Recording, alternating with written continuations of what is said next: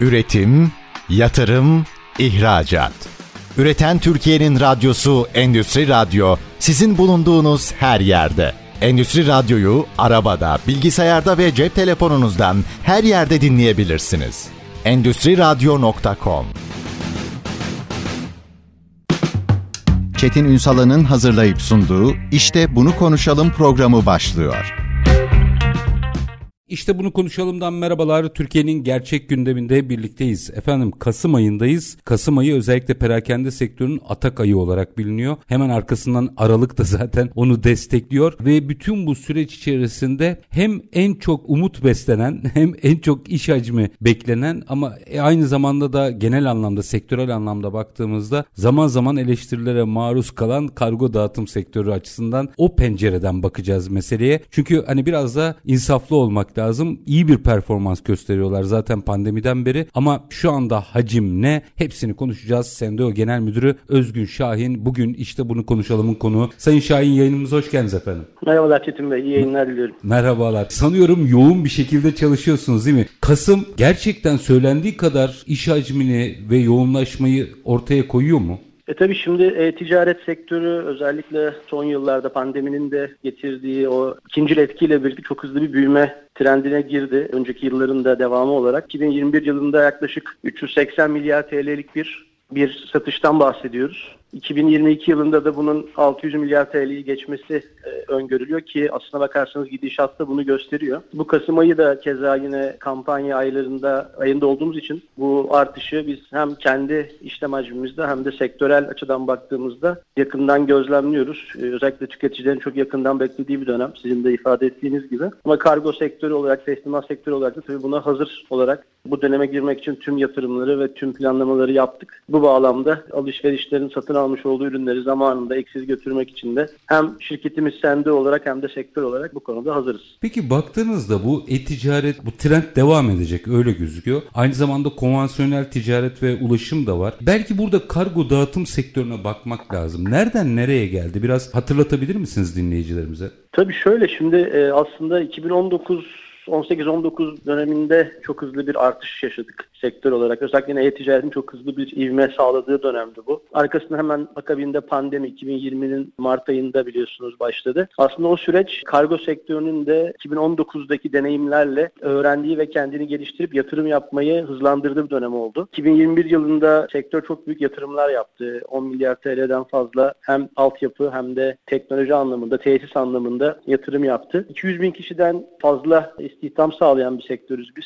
Her gün yollarda 60 binden fazla araç dolaşıyor. O yüzden siz de söylediğiniz hem pandemide büyük bir sağlık çalışanlarından sonra belki de en önemli eforu sarf eden sektördü. O yüzden geldiğimiz noktada hem ana operasyondaki kapasitenin, kaliteli kapasitenin arttırılması hem de yeni teslimat modellerinin e, hayata geçmesi denenmesi açısından da önemli bir ilme sağladığını düşünüyoruz sektörün. Ki bu sene yine %40'a yakın bir büyüme, yaklaşık 3,5 milyar paket teslim etti sektör 2021 yılında. 2022'de de mevcut gidişatta yaklaşık 4,5-5 milyar adet paket teslimatı yapacağız bu sene sonu itibariyle. Baktığınızda sektörde bu işin doğru yapılıyor demenin kriteri nedir? Kendi iç standartlarınızı mutlaka tartıştınız, oluşturdunuz. Biraz belki de bu kullanıcı açısından bunları da hatırlatmakta fayda var. Neyi doğru yaparsa bir kargo dağıtım şirketi evet nitelikli çalışmış oluyor. Tabii şimdi temel işimiz aslında birçok e-ticaret platformu var. Çok büyük pazar yerleri var. Yine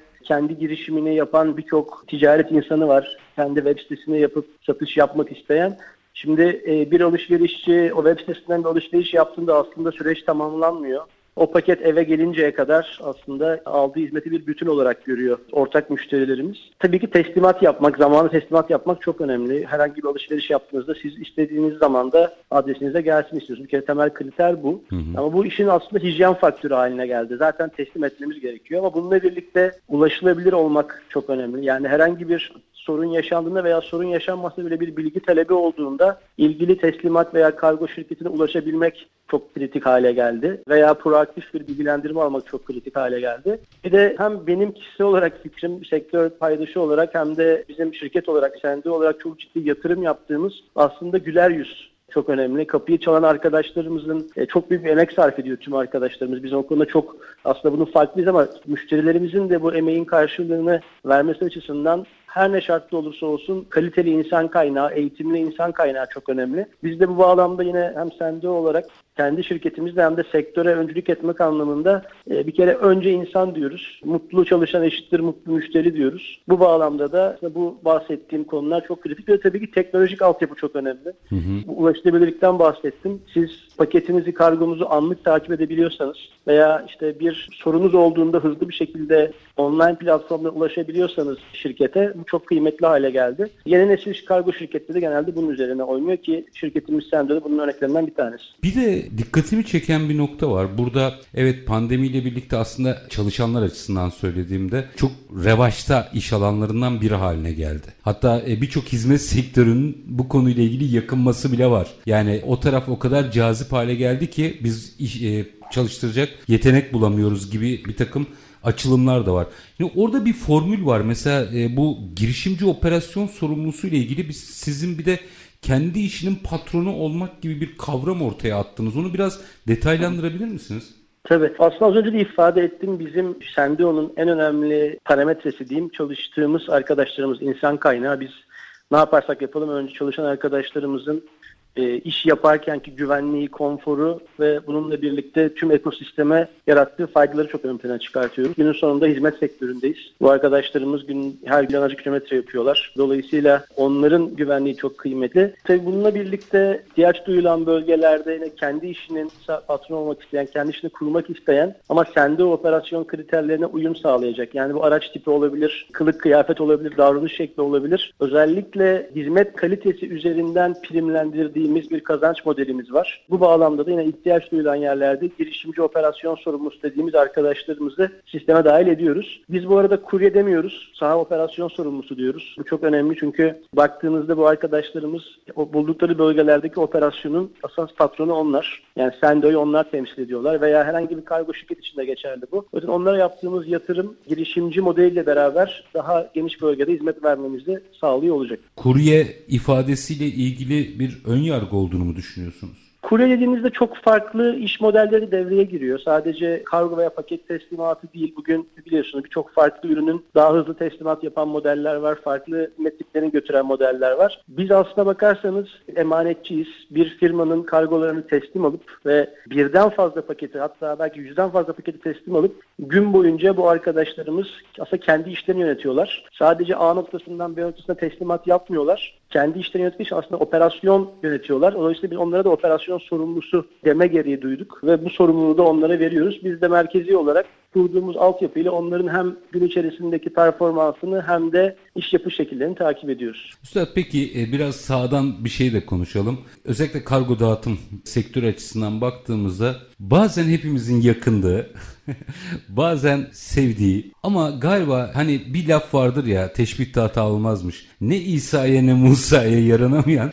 ama e, o hizmeti de vermeye devam eden bir sektörden bahsediyoruz. Biraz bu alana insafsız mı davranıyor hem tüketici hem firmalar? Ya işte ben size karşı bir soru sorayım. Ben size desem ki yaptığınız herhangi iş ne olursa olsun %99 başarı kriteriyle yapmış olsanız herhalde bunu herkes kabul eder doğru mu? Yani %99 Tabii çok ki. yüksek bir Hı-hı. başarı oranıdır. Şimdi 1 milyon paket teslim eden bir şirket düşünün. Sadece %1 hata yapsanız günde 10 bin kişi demek. Yani günde 10 bin kişinin şikayet etmesi anlamına geliyor. Bir kere her işte mutlaka ufak tefek hatalar olacaktır. Bizim işimiz hep bizim Karidin derneğimizin söylediği çok güzel bir slogan var. İnsandan insana, insanla yapılan bir iş. Aslında biz insanla bu işi götürüyoruz. Dolayısıyla bu tip ufak tefek hatalarda illaki müşterimizi de üzdüğümüz zamanlar oluyordur. Ama temelde baktığınızda bizim hizmet felsefemiz sende olarak da bir kere müşteri deneyimini ön plana alan bir bakış açımız var. Bu bağlamda da proaktif iletişim kurmak olmak çok önemli. Yani bir hmm. sıkıntı yaşandığında da karşı tarafa mutlaka bunu zamanında bildirmek, telafi etmek çok önemli. Haksızlık yapıldığı söylemek çok büyük bir söylem olur ama şey tabii ki şunu görüyoruz. Yani biz aslında her gün sahada olan sektör olarak söylüyorum. Yani 200 bin kişiden bahsediyoruz. Önemli bir iş yapıyoruz. Tüm aslında paydaşlardan da bence hak ettiği değeri de gördü. Özellikle pandemiyle birlikte önemi daha da ortaya çıktı. Biz de kendi olarak sektöre bu konuda katkı sağlamak, kaliteli, eğitimli insan kaynağı konusunda destek olmak için tüm çalışmalarımızı hızla tamamlıyoruz tamamlıyoruz. Yani birazcık daha tolerans beklentisi yok mu sektörün? Sanki öyle hissediyorum. Zaman yani, zaman kimle konuşsam. Yani her iş kolunda, tabii ki her iş kolunda var. Yani bizim hizmet sektörü olduğumuzu unutmamak çok önemli.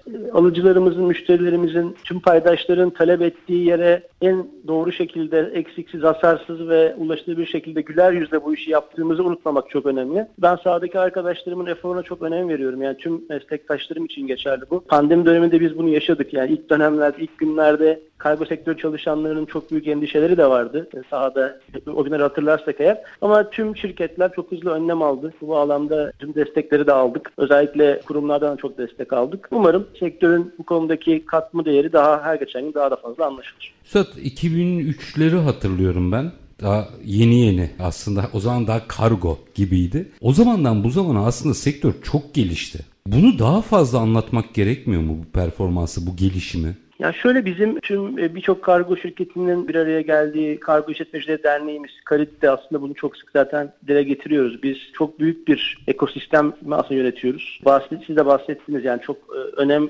gören görme, görmesi gereken bir sektör. Bir kere birçok sektör gibi geçmişte ki ben tekstil sektörüne çok benzetiyorum kendi işimizi. Başta böyle üretimle başlayıp daha sonra biliyorsunuz Türkiye'den birçok başarılı marka çıktı. Hı hı. Aslında bizim sektörümüz de bu bağlamda yatırım yapmaya hız vermiş 2019'dan beri. Son 3-4 yılda daha da hızlı yatırım yapan, insan kaynağı konuşan, insan konuşan, teknoloji konuşan bir sektör haline geldi. Ama burada ben tabii yeni nesil kargo şirketlerinin, teslimat şirketlerinin burada öncülük yaptığını düşünüyorum. Biz de bu bağlamda kendimize açıkçası bir ödev aldık. Kendi olarak bir koç topluluğu markası olarak da sektörü insan kalitesi anlamında ve teknolojik yatırım anlamında yukarı çekmek istiyoruz. Burada destek olmak istiyoruz. Ki sizin de bahsettiğiniz gibi çok hızlı bir dönüşüm geçirdik. Bu dönüşüme ayak uydurmak için de öncü marka olmak en büyük hedef. Yine bir noktayı da bir iki dakika sonra bir araya gideceğim ama bir noktaya bir girizgah yapalım. Orada galiba konuşmamız gereken unsurlardan biri de alan dağıldı Şimdi önümüzdeki süreçte böyle ihtisaslaşmalar görecek miyiz? Şimdi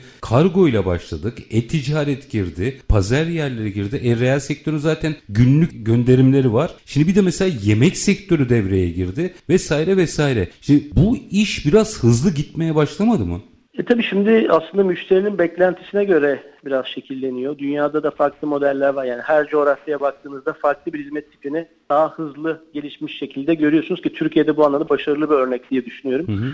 Çok doğru ifade ettiniz. Yani uzmanlaşmak herkes aslında o dikeyde uzmanlaşmaya başladı. Bu da aslında dediğim gibi tüketicinin özellikle bence pandemideki kazanan alışkanlıklarla birlikte daha hızlı bir şekilde bu beklentileri talep etmesine sebep oldu. Biz 2000 23'te 24'te göreceğimiz hacimleri aslında pandemi döneminde görmüş olduk. Çok daha önden görmüş olduk. E, ve diğer iş modelleri de keza öyle. Yani çok hızlı şekilde ihtiyaçlara ulaşmak gibi bir beklentisi var şu an müşterilerimizin. Tabii bu bağlamda yani biz sende olarak aslında en büyük iddiamız bu konuda bir platform haline gelmek. Yani biz son noktaya teslimat yapan bir şirketiz diyoruz. O yüzden kargo şirketi tek başına telaffuz etmediğimiz bir açıklama. Kargo işlerimizden bir tanesi ama tabii ki uzmanlaşmak çok önemli ama siz son noktayı sahiplenen, son noktadaki ki müşterimizin ne istediğini bilen bir şirket veya sektör haline gelirseniz zaten birçok farklı ürünü de e, aynı anda götürme şansınız oluyor diye düşünüyorum. Peki biraz trendleri de konuşmak istiyorum. Bu iş dünyayla da mukayese etmek istiyorum. Ama minik bir araya gidelim. Aranın ardından merak ettiklerim var size soracağım. Minik bir ara. Aranın ardından Sendeo Genel Müdürü Özgün Şahin ile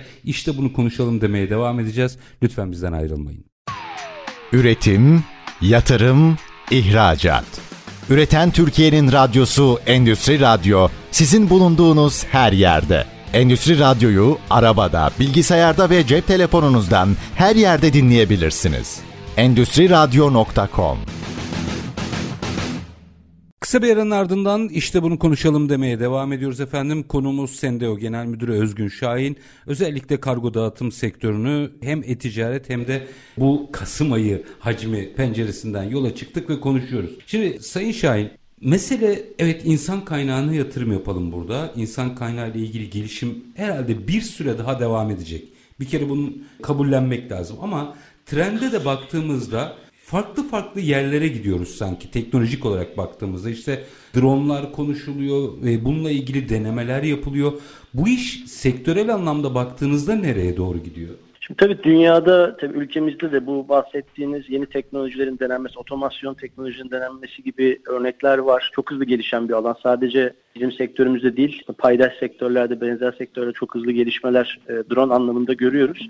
Ama temelde ilk bölümde konuştuğumuz alıcıların kargolarını takip edebilmesi, hızlı ulaşabilmesi için optimizasyon içeren teknolojinin gelişmesi çok daha kritik diye düşünüyorum. Hem e, işte alıcı uygulamalarının, kurye uygulamalarının kullanıldığı ve bunların entegre olduğu ve alıcının gerçek zamanlı olarak e, hem takip yapabildiği hem de interaksiyona girebildiği, iletişime geçebildiği uygulamalar burada çok daha önemli hale gelecek. Bununla birlikte tabii ki maliyet verimliliği anlamında optimizasyon, rota optimizasyonu gibi ileri teknoloji e, algoritmaların kullanılması, belki işte makine öğrenmesi gibi, yapay zeka gibi e, araçların kullanılması çok daha önemli hale geliyor. Bunun da örneklerini belki de kısa vadede, orta vadede görüyor olacağız ülkemizde de. Bunlar çok daha kritik. Tabii ki orta ve uzun vadede daha dijital, daha teknolojik, otomasyona bağlı teslimat modelleri de konuşmaya muhtemelen başlıyor olacağız. Ama dediğim gibi temelde önce müşteri memnuniyetini sağlayacak araçların kullanılması ki insana çok bağlı bir sektör dediğim gibi. Bu bağlamda da çalışanları destekleyen teknolojilerin kullanılması çok daha önemli diye düşünüyorum. Çalışanları destekleyen teknolojiler derken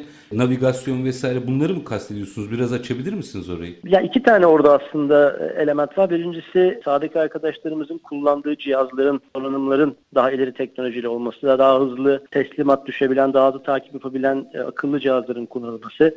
Yine transfer merkezlerinde kullanılan, ayrıştırmada kullanılan giyilebilir teknolojilerin kullanılmasından bahsediyorum. Bir de bunları çalıştıran yazılımlar çok daha önemli. E, ya şöyle düşünün, yine aynı anda bir günde 1 milyon teslimat yapan bir şirkette anlık olarak optimizasyonların çalışması için çok hızlı çalışan yazılımlar gerekli. Bunları çalıştıracak altyapılar, cihazlar hem donanım anlamında hem de yazılım anlamında çok ileri teknoloji olması gerekiyor. Bütün bu teknolojinin sanıyorum bir getirisi daha olacaktır. Şimdi biz hep büyük şehirler açısından bakıyoruz meseleyi. Fakat e-ticaret örneğin Türkiye'nin her yerinde hatta örneğin dünyanın her yerinde zamanlı yapılabiliyor. Şimdi o operasyonu sağlıklı yönetebilmek için sektör neyi ders çalışıyor? Zaten başarılı ve hızlı büyüyen teslimat veya kargo şirketlerine baktığınızda büyük çoğunluğu Türkiye için konuşuyorum. 81 ilde hatta 900'den fazla ilçede hizmet veren şirketlerin olduğunu görüyorsunuz. Bugün ülkemizde özellikle bir pazar yeri gerçeği var. Eskiden e-ticaret dediğinizde bir depodan çok fazla kargonun çıktığı, belki binlerce kargonun çıktığı yapılar daha ön plandayken bugün e-pazar yeri toplam e-ticaretin %60-70'lerini buldu. Dolayısıyla bir kere bugün X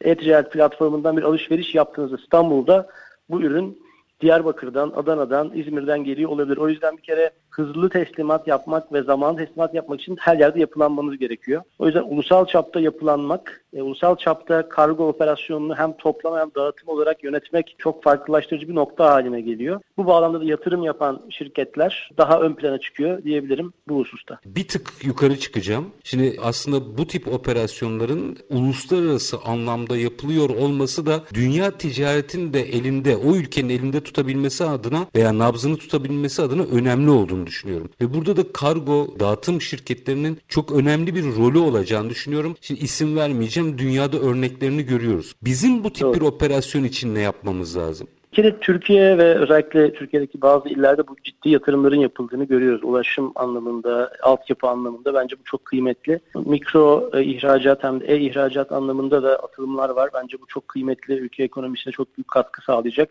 Ki e, hep deriz COBİ'ler ekonomimizin cam pazarı. Özellikle dinamosu büyüme anlamında. Bu bağlamda COBİ'lerin veya ticaret yapan orta ölçekli işletmelerin dünyaya açılması anlamında e, bu önemli bir yatırım. E, burada yine ulusal şirketlere büyük iş düşüyor. Sadece Türkiye'de değil, Türkiye'deki topladıkları ürünleri yurt dışına teslim etmek veya ulaştırmak anlamında da altyapılara yatırım yapılması gerekiyor. Bugün bunu yapan birçok ulusal şirkette var. Sizin de belki değindiğiniz aslında arka planda birçok global şirkette var Türkiye'de hizmet gösteren. Hı hı. E, bunun örneklerinin artması lazım. Bu anlamda bence mevzuat anlamında ciddi destekler de alıyor sektör. Ama bunu bizim de çok hızlı destekleyerek özellikle burada üretim yapan kobilerimize veya e, üreticilerimize destek olmamız çok önemli ki dünyada bu önemli bir trend haline geldi dediğiniz gibi. Dünyanın yapıp da bizim yapmadığımız ya da dünyanın yaptığı ve bizim yapmadığımız bir şey var mı? Ya bu çok bence Türkiye için e, gelişme çok açık alanlardan bir tanesi. Yani bizim üretim hızımız özellikle ekonomik büyüme sağladığımız yıllarda malum yani çok büyük bir katkı sağlıyor. E,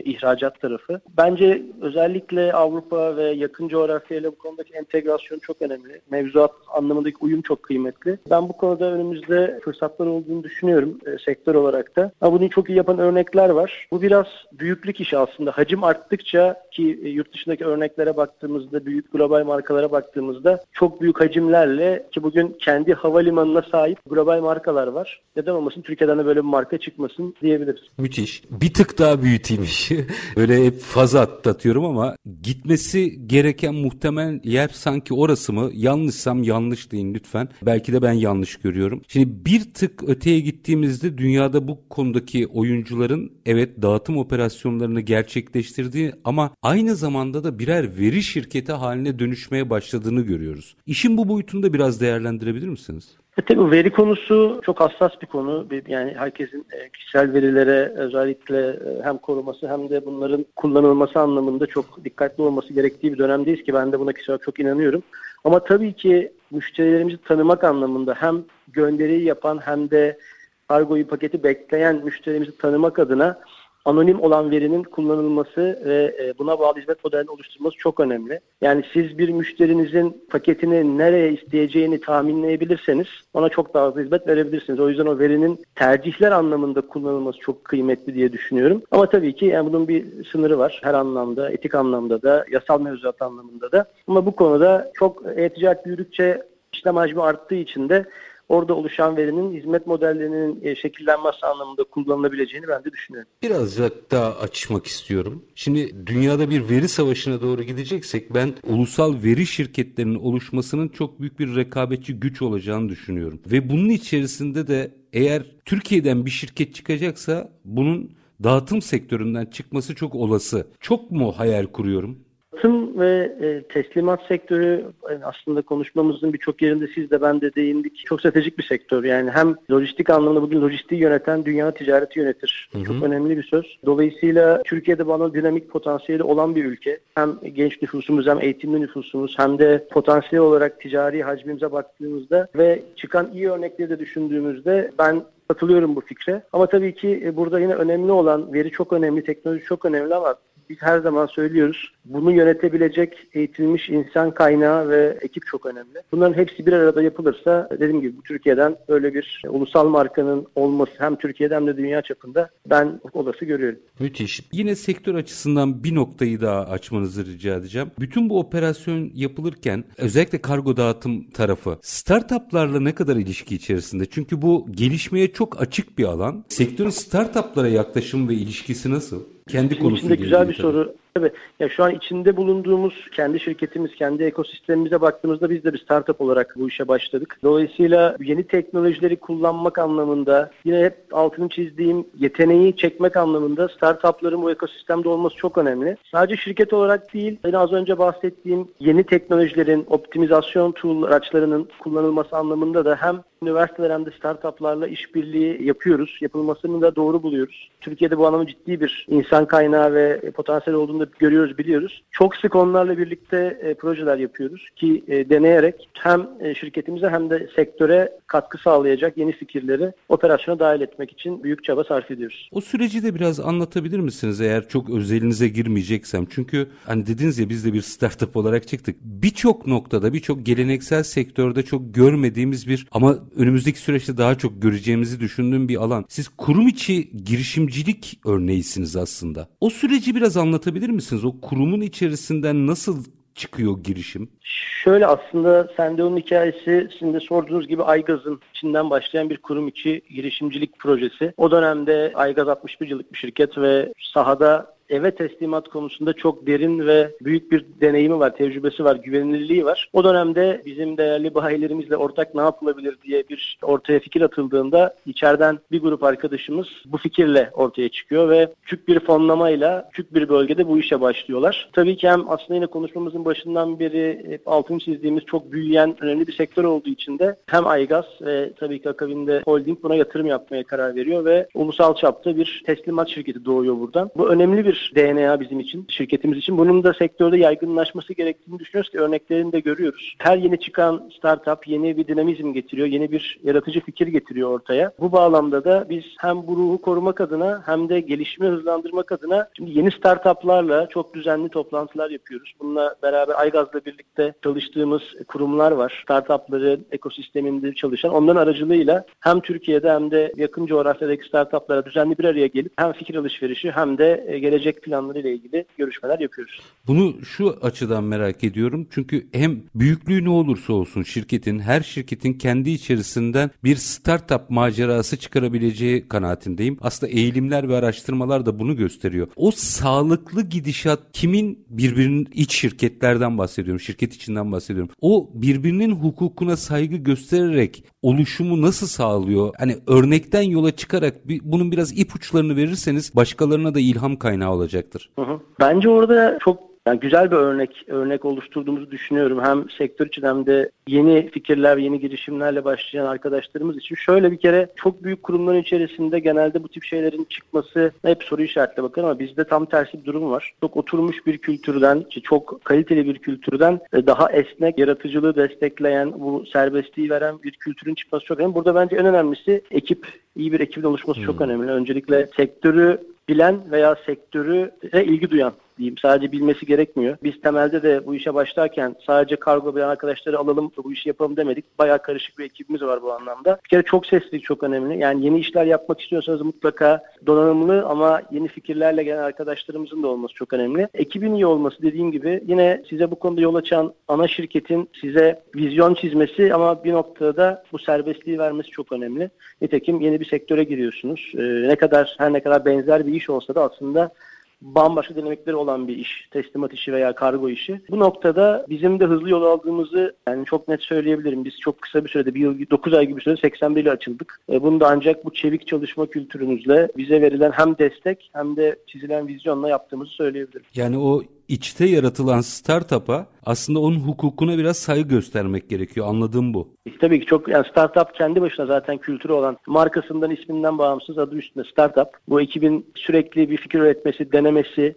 test etmesi, bazen yanılması, yanıldıktan sonra ders çıkartıp yeni bir şey denemesi gerekiyor. E, bu da bence önemli bir kültür. Bu size e, kısa ve orta vadede çok büyük hız kazandırıyor ve kültürünüzü de böyle oluşturmanızı sağlıyor. Bu tecrübeyi de paylaştınız bizde sağ olun. Minik bir araya gideceğim. Aranın ardından tekrar kargo dağıtım şirketlerine, sektöre ve birazcık Kasım'a gelmek istiyorum. Ama e, bu bahsettiğiniz tecrübe paylaşımı bence çok kıymetliydi. Birçok sektörün içinden aslında biraz bırakılsa startuplar çıkabilir. Hem fikir miyiz? %100 katılıyorum. Harikasınız. Kısa bir araya gideceğiz. Aranın ardından Sendeo Genel Müdürü Özgün Şahin'le sohbetimiz devam edecek. Tekrar kargo dağıtım sektörüne döneceğiz ama minik bir aranın ardından lütfen bizden ayrılmayın. Üretim, yatırım, ihracat. Üreten Türkiye'nin radyosu Endüstri Radyo sizin bulunduğunuz her yerde. Endüstri Radyo'yu arabada, bilgisayarda ve cep telefonunuzdan her yerde dinleyebilirsiniz. Endüstri Radyo.com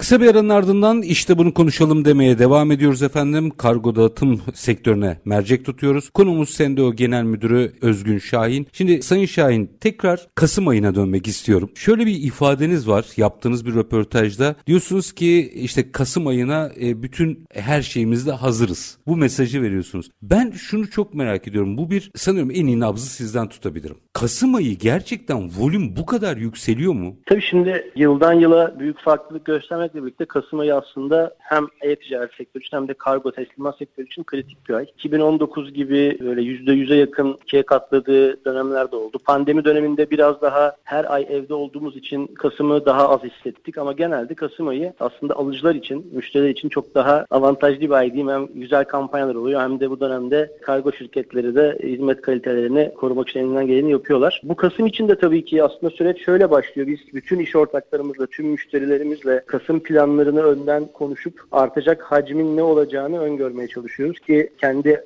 hem operasyonel altyapımızı hem de sahada çalışan arkadaşlarımızın, araçlarımızın sayısını ona göre ayarlayabilelim. Bu Kasım ayında da yine aslında e, beklediğimiz gibi bir artışla başladı ki aslında burada öngörüler son iki ayda toplam yıllık cironun yarısına yakın %40'ını yapılması yönündeydi. E, genelde de son iki ay son çeyrek böyle geçer. Bu bağlamda da yine farklı markaların farklı kampanyaların olduğunu görüyoruz. Daha tabii Kasım'ın ortasındayız. Devamı da gelecek bunun. Ay sonunda itham edecek kampanyalar olacak. Bu bağlamda dediğim gibi yani Kasım ayı gerçekten önemli. Bir taraftan da aslına bakarsanız bizim sektörümüz için çok önemli. Çünkü herkesin performansını gösterdiği bir ay. Vitrin. Ee, bu da o yüzden çok kıymetli. Vitrin yani. Bir tür vitrin anladığım kadarıyla. Doğru. Aynen öyle. Yani hem hacmin arttığı hem de operasyonel kalitenin önemli olduğu bir dönem. Merak ettiğim şu. Şimdi Kasım ardından Aralık da geliyor. Şimdi burada ciddi bir potansiyel yükselişine gitmek zorunda kargo dağıtım sektörü. Hemfikir miyiz bunda? %100 tabii ki. Ocak Sonra ne oluyor?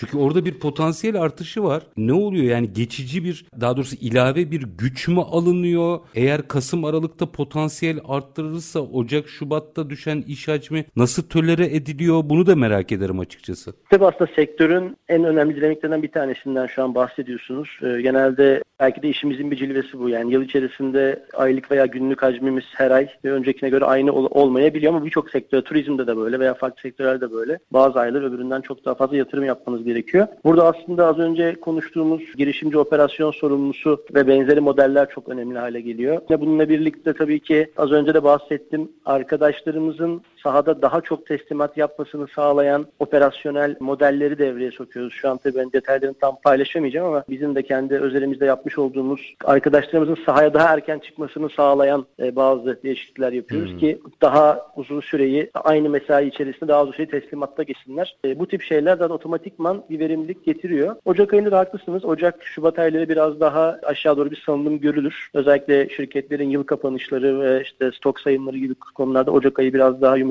geçer. Ama onlar da bizim aslında yıla hazırlık aylarımız oluyor. Temelde baktığımızda buradaki operasyonel önlemleri konuşup yıla daha iyi bir hazırlık yapıyorsunuz. Ama bizim için dediğim gibi Kasım tabii ki takip eden Aralık ayı e, bu bağlamda çok önemli. Yani şöyle bir durum ortaya çıkmıyor değil mi? Sektör açısından soruyorum. Sizin özelinizde öyle mi değil mi bilmiyorum. Yani özelleştirmeyeyim işi. Hani turizmde vardır ya 3 ay çalışır sonra 3 ay sonra insanlar gönderilir. Şimdi böyle bir şey olmuyor değil mi? E olmuyor. Yani temelde baktığımızda şimdi çok yani hep 200 binden fazla diyorum. Çok ciddi oranda e, çalışan, istihdam eden bir sektör. Bizim öyle bir lüksümüz zaten olamaz. Çünkü hep söylüyorum sahada donanımlı yetkin ekiplerle çalışıyoruz ve çalışmak istiyoruz. O yüzden sizin ber, uzun süre beraber çalıştığınız veya e, yoğun dönemde beraber çalıştığınız arkadaşlarımızla sonra çalışmamak gibi bir lüksümüz zaten yok. Ya bizde öyle çok sezonsal o kadar artışlar azalışlar olmaz. Ama bunun daha çok strateji vurgusunu yapmamın en temel sebebi bu. Teknolojisi kuvvetli olan, özellikle maliyet verimliliği iyi yöneten veya operasyonel verimliliği yöneten şirketler bu bahsetmiş olduğumuz dalgalanmalardan çok daha az etkileniyorlar. Ki biz de bu anlamda önce olmaya çalışıyoruz. Nefissiniz. Tam gelmek istediğim yere atıfta bulundunuz. O zaman tam bu noktada sektörün dijitalleşme ve otomasyon fotoğrafını çeker misiniz bize? Bu konuda çok ciddi son 3 yılda büyük bir ivme olduğunu açıkçası e, çok net gözlemleyebiliyoruz. Bugün biz Türk halkı olarak yani ben de öyle bir şey sipariş verdiğimizde dağıtıcı arkadaşımızın nerede olduğunu haritadan görmek istiyoruz. Çok basit bir örnek. Dünyada çok fazla görmezsiniz. Dolayısıyla hani bu jenerik örnekten bile anlaşıldığı üzere aslında birçok teslimat şirketi, kargo şirketi zaten bunları entegre etmiş durumda. Alıcıların teslimatını canlı olarak görebilmesi, hızlı ulaşabilmesi çok önemli ki burada uzun süre çağrı merkezinde ulaşamamak, çağrı merkezini aramak gibi bir gerçeği vardır sektörün. Mesela bizim yaptığımız örneklerde %80 oranında dijitalleştirmeyi başardık. Hmm. Biz bugün ulaşmak istediğinizde bir numarayı çevirmek yerine WhatsApp üzerinden veya web sitemizdeki canlı chat üzerinden öncelikli olarak hiç sizi uğraştırmadan bir kargo bekliyorsanız kargonuzun durumunu size proaktif olarak söyleyerek konuşmaya başlıyoruz. E bununla birlikte akabinde de yine öncelikli olarak chatbot eğer daha derinlemesine bir talebiniz varsa da müşteri temsilcimizle online olarak konuşuyorsunuz. Bence bu çok önemli. 7-24 ulaşılabilir bir şirket olmak çok önemli. Günün sonunda çok acil beklediğiniz veya çok kıymet verdiğiniz bir sipariş vermiş olabilirsiniz. Onun akıbetini teslim süresi gelmemiş bile olsa öğrenmek en doğal hakkınız. Bence bu bağlamda önemli. E, otomasyon tarafı da keza öyle. Özellikle kargonun toplandığı ve ayrıştırıldığı lokasyonlardaki otomasyon kısmı çok kıymetli. Çünkü kargonun daha az, kargo daha az dokunulması hem hızı arttırıyor hem de kargonun hasarlanmasını engelliyor. Bu bağlamda otomasyonla ilgili çok güzel örnekler var ülkemizde ama tabii ki yine yurt dışı örneklerine baktığımızda orada da ilerleyebileceğimiz bir yol olduğunu düşünüyorum. Yapay zeka mı ağırlıklı olarak devrede? E, yapay zekasına bakarsanız daha çok tahminleme ve gelecekteki yapacağımız modellemelerin kurgulanmasında çok daha önemli e, hale alacak. Şu an aslında çok daha basit algoritmalarla bunu yapmak mümkün. Rota optimizasyon dediğimiz yani bir sağ operasyon sorumlumuz kar 100 tane paketi sabah teslim üzerine zimmet aldığında teslim aldığında hangi rota üzerinden teslim etmesi gerektiğini, o gün orada bir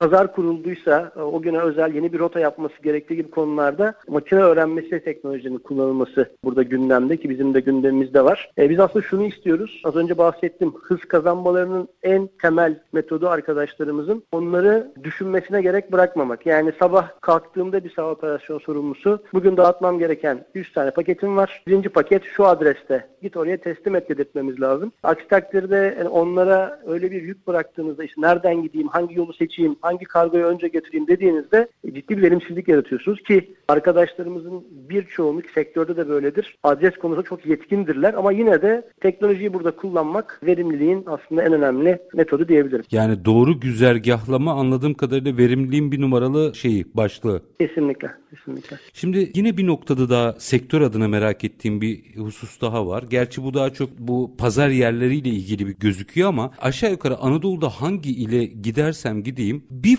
başlık öne çıkıyor üstad. Herkes depo Şimdi eskiden fabrika meselesi vardı. Şimdi lojistik alanlarda depolama meselesi var. Şimdi depolama maliyetleri özellikle kargo şirketleri açısından, dağıtım şirketleri açısından ne durumda? Şimdi eğilim fazla olunca anormal fiyatlar konuşulmaya başlandı. İşin o maliyet ölçüsünde veya oradaki rekabeti de biraz anlatabilir misiniz bize?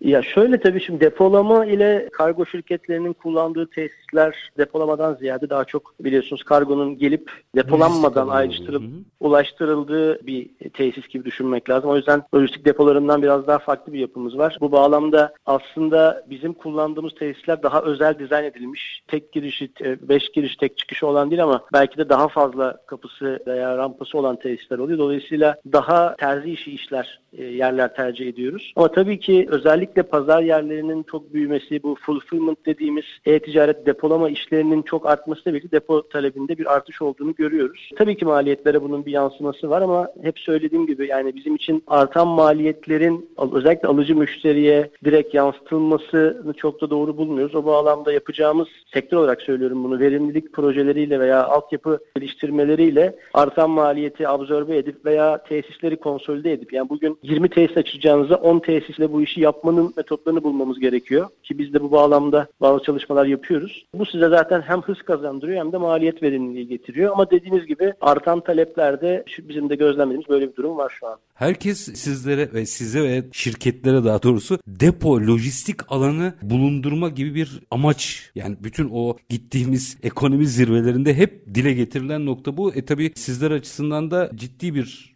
baskı bu. Bir noktayı daha konuşalım. Bir 3-4 dakikam var. Bir kargo dağıtım şirketi üstadım. Firma ile ne yaşar? Müşteriyle ne yaşar, hobiyle ne yaşar, pazar yeriyle ne yaşar? Böyle birazcık özetleyebilir misiniz bize? Tabii. Şimdi aslında bizim de hem şirket olarak hem de sektör olarak ki bu konuda öncülük yaptığımızda söyleyebilirim. Bir kere e, müşteri odaklılık konseptini çok ciddi altını çizerek her platformda konuşuyoruz. Hem gönderici de iki tane müşterimiz var bizim sektörde. Birçok sektörden farklı olarak kargoyu gönderen ve kargoyu bekleyen yani alıcı ve gönderici var. Ki biz aslında bakarsanız konuşmanın başında ifade ettiğimiz emanetçiyiz. Ürünü görevimiz zamanında kaliteli güzelce teslim almak ve teslim etmek üzerine kurulu. Tabii alıcı tarafında aslında e, müşterimiz ortak yani pazar yeri de olsa bir kobi de olsa e, alıcıymış kapıyı açtığında bizden paketi bekleyen müşterimiz ortak müşterimiz. Öncelikle bir kere onların ne istediğini ne beklediğini gözlemliyoruz ve takip ediyoruz. Bununla birlikte yine bizim çok yaygın kullandığımız her teslimattan sonra göndermiş olduğumuz bir sağ operasyon sorumlusu memnuniyet anketimiz var. Bununla birlikte tavsiye skoru ölçümlüyoruz ki hizmet veren arkadaşlarımızın anlık davranış şeklini, e, hizmet kalitesini ölçümleyelim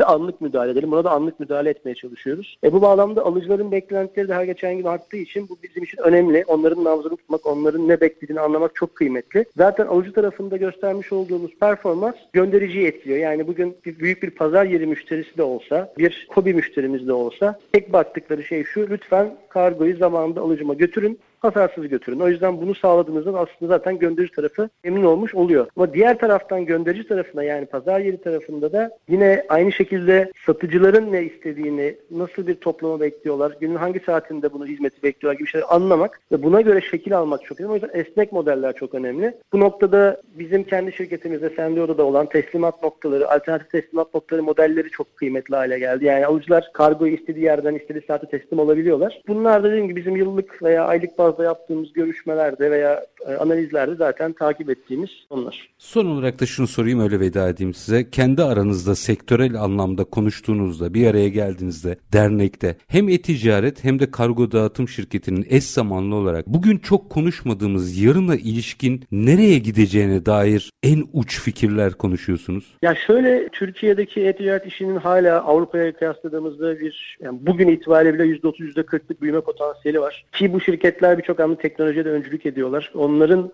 davranış şekillerini, beklentilerini anlayıp onlara göre şekil almak çok kıymetli diye düşünüyorum. Bence bu bahsettiğiniz aslında az önceki sorunuza da çok paralel. Bazı konularda paylaşım ekonomisi yapmak çok önemli. Ortak depolar, e-ticaret depolamaları yapmak çok önemli diye düşünüyorum. Çünkü son noktaya teslimat yapmadaki kaliteniz sizi farklılaştırıyor. Oradaki hem çalışanlarımızın, yani sektörün çalışanlarının hem de kullandıkları teknolojinin farklılıkları, şirketleri, markaları farklılaştırıyor. Onun dışındaki birçok noktayı ortak paylaşım ekonomisinde kullanma potansiyeli mevcut diye düşünüyorum. Sayın Şahin çok teşekkür ediyorum. Çok açık yüreklilikle cevap verdiniz bütün sorularıma. Çok teşekkür ediyorum aktardığınız bilgiler için. Ben teşekkür ederim. İyi yayınlar diliyorum. Var olunuz efendim. Evet bugün Kasım ayından yola çıktık. Hacmin arttığı Kasım ayından yola çıktık. Hem hacmi hem kargo şirketlerin bu alandaki rolünü mercek altına aldık. Kargo dağıtım sektörünün dünden bugüne hem biraz özetini hem de yarına ilişkin nereye koşacağının ana teması üzerinden aslında sektöre mercek tuttuk. Konuğumuz Sendeo Genel Müdürü Özgün Şahin'di. Biz her zamanki gibi bitirelim. İşinizi konuşun, işinizle konuşun. Sonra gelin işte bunu konuşalım. Hoşçakalın efendim.